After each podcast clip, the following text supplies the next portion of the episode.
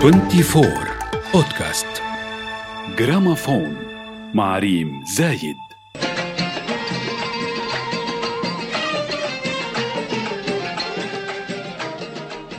عمرها سبعة قرون.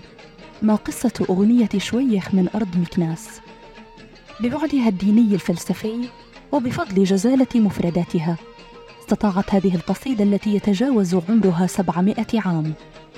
أن تتحول لأغنية أندلسية شهيرة وتتربع على قائمة الموسيقى الشعبية للقبائل الأمازيغية.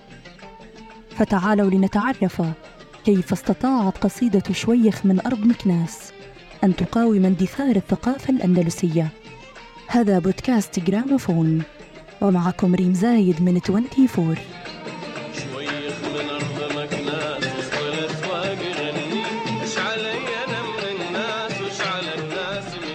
شويخ من أرض مكناس قصيدة زجلية أندلسية.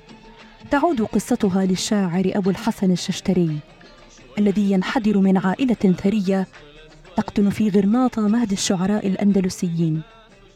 أراد ذات يوم الدخول في الصوفية مستمعا إلى أحد كبار الصوفيين ابن سبعين الذي اشترط عليه التجول متخليا عن ملابسه الفاخرة الناعمة واستبدالها بأخرى بالية مرقعة.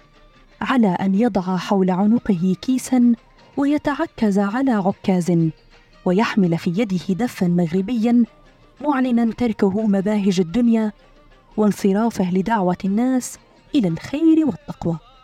وبالفعل هاجر الششتري حينها إلى فاس ومنها إلى مكناس في المغرب وتجول في أسواقها لثلاثة أيام منشدا كلمات قصيدة شويخ من أرض مكناس. ويا أصدقائي مكناس إحدى المدن التاريخية القديمة في المغرب.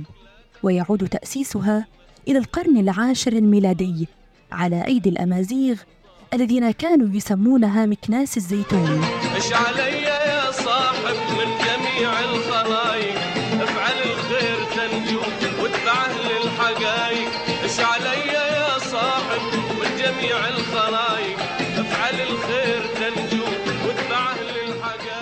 ولكن كيف تحولت هذه القصيدة لأغنية شهيرة؟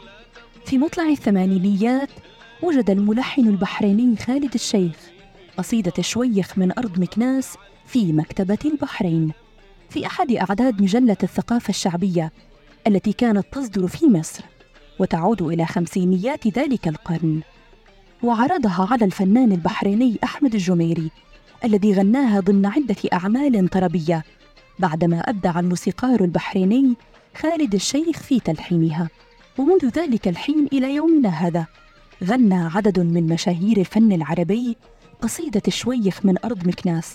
من بينهم الفنان الفلسطيني محمد عساف والفنانة الإماراتية بلقيس والفنانة المغربية أسماء المنور. شويخ من أرض مكناس وسط الأسواق يغني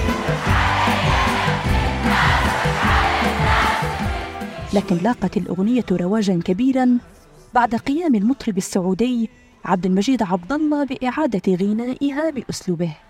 إذ تنتهي القصيدة بيا إلهي رجوتك جد علينا بتوبة بالنبي سألتك والكرام الأحبة ويا إلهي رجوتك جد علينا بتوبة بالنبي قد سأل